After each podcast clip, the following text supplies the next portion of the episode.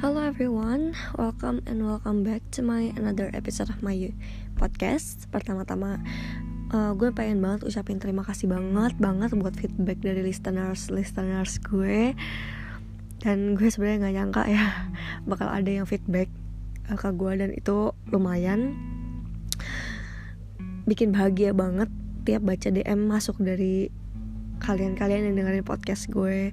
Dan semoga podcast kali ini bisa jadi hal positif lainnya ya buat kamu-kamu yang mendengarkan. By the way eh, nggak uh, berasa makin ke sini makin cepat waktu jalannya. Tahu-tahu bulan depan udah bulan September. Dan udah mau akhir tahun. Cepet banget. Nggak nggak berasa gitu. Padahal kemarin tuh baru rasanya jadi maba sekarang udah harus ngadepin semester-semester akhir dan puji Tuhan pokoknya mau gimana pun keadaannya mau waktu cepat atau waktu yang lama Tuhan bekerja. Tuhan punya rencana yang, yang baik gitu. Dan menjelang akhir bulan Agustus ini gue mau cerita dan sharing sama salah satu topik yaitu loss atau tersesat. Uh, gue yakin beberapa dari kalian pernah ngerasa loss atau tersesat. Maksudnya hatinya yang loss ya kadang dihadapin satu masalah besar yang nggak tahu bisa depends ke siapa malah nggak bisa depends ke siapa-siapa. Selama ada beberapa kali masalah yang gue hadapin gue ketemu dua tipe orang di saat gue cerita masalah gue ke orang lain alias curhat gitu ya. Kalau tipe yang pertama tuh yang menuhin ego diri gue. Maksudnya kayak kebanyakan kan kalau kita curhat itu selalu mau dapat pembelaan ya sadar nggak sadar. Entah mau nyalahin siapa dan nyalahin yang mana pokoknya ego kita terpenuhi. Dan kebanyakan tipe-tipe kayak gini masalah itu eh, nggak uh, berhenti di satu orang malah menimbulkan masalah baru dan curhatannya juga nggak berhenti ke satu orang.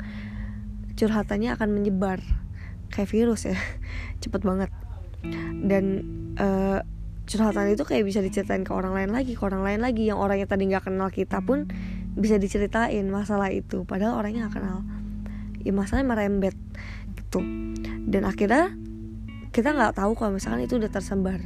Tahu-tahu orang lain ngomongin kita tahu-tahu orang ini kok tahu masalah kita malah kita nggak sharing sama dia kayak gitu deh. Banyak kok tipe-tipe kayak gini.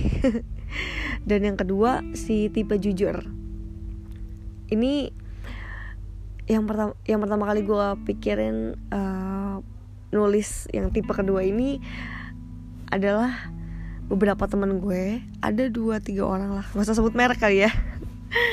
Apa sebut aja. Makasih banget nih buat Ica buat uh, Jessica.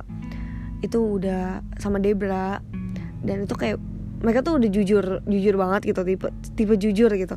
Orang ini dengerinnya dengerin nyimak gitu tapi mereka nggak banyak komentar. Tapi sekalinya komentar tuh agak pedih gitu di hati. Agak pedih tapi bener. Pedih tapi bener. Nah ini yang kadang tuh nggak semua orang bisa terima. Soalnya not everyone want to hear the truth. Not everyone is ready to hear the truth right? Jadi mereka lebih baik lebih baik kayak bersembunyi di balik kebohongan bersembunyi di balik kesalahan-kesalahan orang lain. Kesalahan-kesalahan mereka sendiri tanpa mau dikoreksi sama orang lain gitu. Dan kebanyakan dari kita lebih milih curhat ke tipe yang pertama. Kebanyakan loh ya nggak nggak semua. Dan kebanyakan pun alasannya karena tanda kutip si orang pertama itu mengerti di posisi kita dan ngebela kita. Padahal kalau dibilang mengerti di posisi kita pun kayaknya enggak juga ya. Karena kalau dia pernah di posisi kita dan ikut-ikutan nyalahin orang lain ataupun ngehujat orang lain itu di mana konteksnya kita yang salah ataupun konteksnya dua-duanya yang salah itu berarti dia itu cuma menyalurkan emosi negatif dia yang dia juga kepahitan sama orang lain.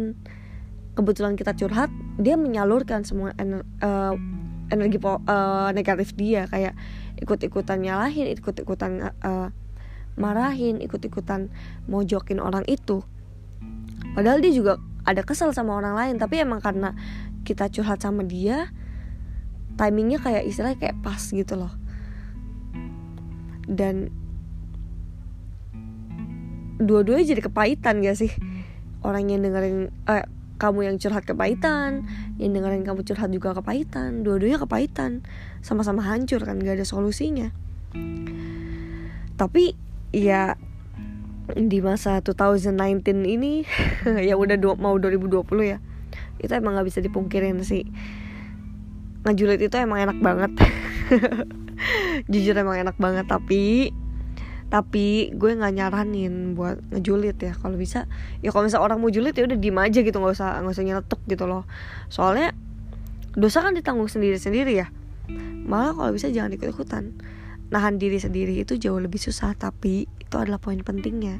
Itu poin plusnya buat kita ya kalau misalkan emang kita di posisi orang yang harus di, yang harus mendengarkan curhat komentar aja seperlunya yang membangun bukan untuk menjatuhkan yang memberi solusi bukan yang nambah pikiran. Seperti di Amsal 21 ayat 23 firman Tuhan Siapa memelihara mulut dan lidahnya memelihara diri daripada kesukaran. Entah itu kesukaran yang kayak gimana nggak bisa nebak-nebak gue gue juga nggak mau nebak-nebak yang kayak gimana biar itu Tuhan aja yang jawab Tuhan yang kasih dan gue yakin kalian pun yang dengerin nggak mau kan ada di dalam kesukaran yang kayak gimana pun bentuknya. Nah ya udah intinya ya jaga perkataan aja. Jangan jadiin julid itu hobi. Jangan jahit jangan jadiin kepahitan itu teman baik. Soalnya yang gue lihat-lihat sekarang itu orang ngejulit malah bangga. Kayak gila gue hebat banget bisa ngomongin orang. Gila uh, gue kalau sama teman gue yang ini hebat banget bisa ngomongin orang. Bla bla bla. It's it's not something that you have to be proud of. Jelas-jelas Tuhan menentang itu. Dan jelas-jelas udah ada di Alkitab firman Tuhan sendiri Tuhan sendiri yang, yang ngomong gitu kan. Dia menentang itu dan kamu bangga ditentang. Kamu apa iblis gitu kan? Kan bukan ya? Kamu kan manusia ciptaan yang sempurna gitu.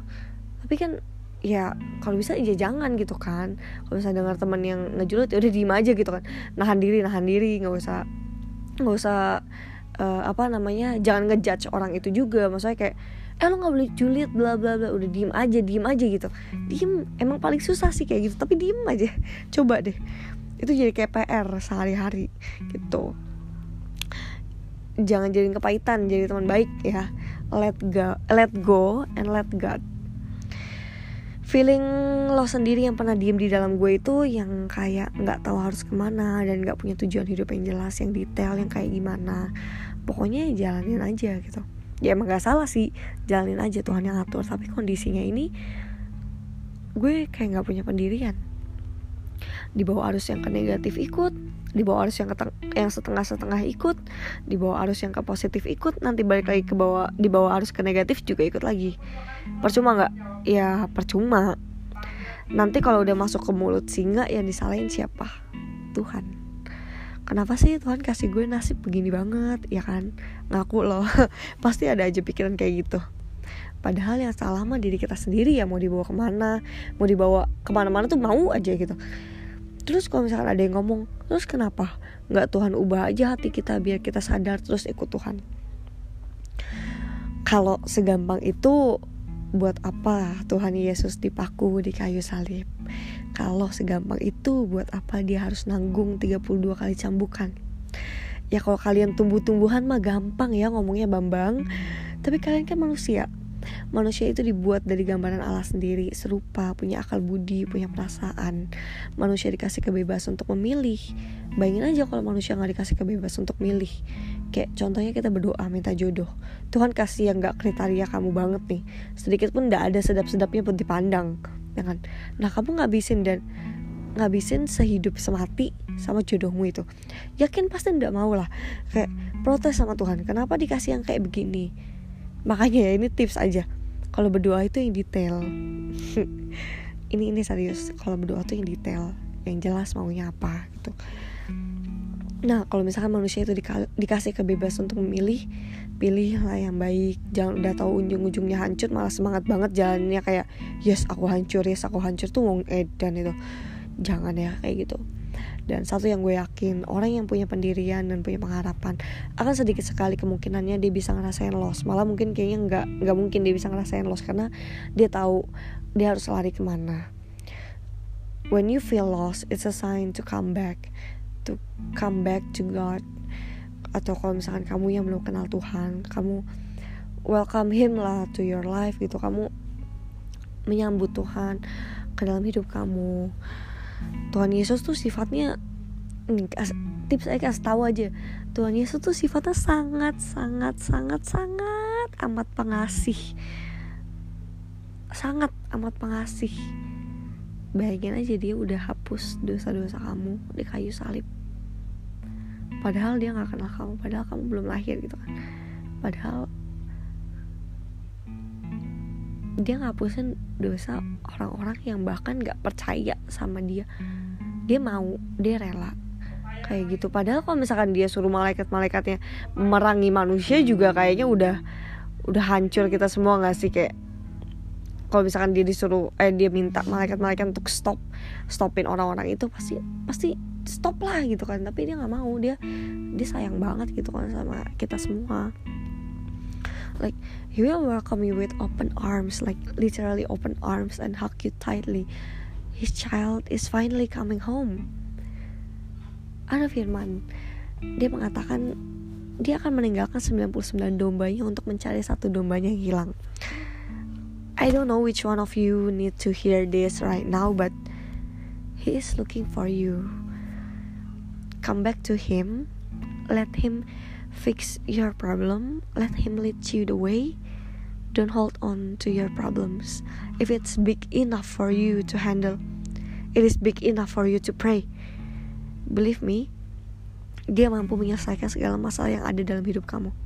Segala masalah yang ada dalam hidup kamu Sekali lagi, just if you let him. Nah mungkin salah satu dari listener gue lagi ada yang mengalami kondisi ini gue nggak tahu. Gue pun nggak tahu bisa dibawa sama Tuhan buat ngomongin hal ini di podcast gue ataupun yang bisa relate sama hal-hal yang gue bahas. Sekali lagi semoga podcast ini boleh jadi berkah buat telinga-telinga yang mendengarkan ya. Amin. See you on my next podcast. Goodbye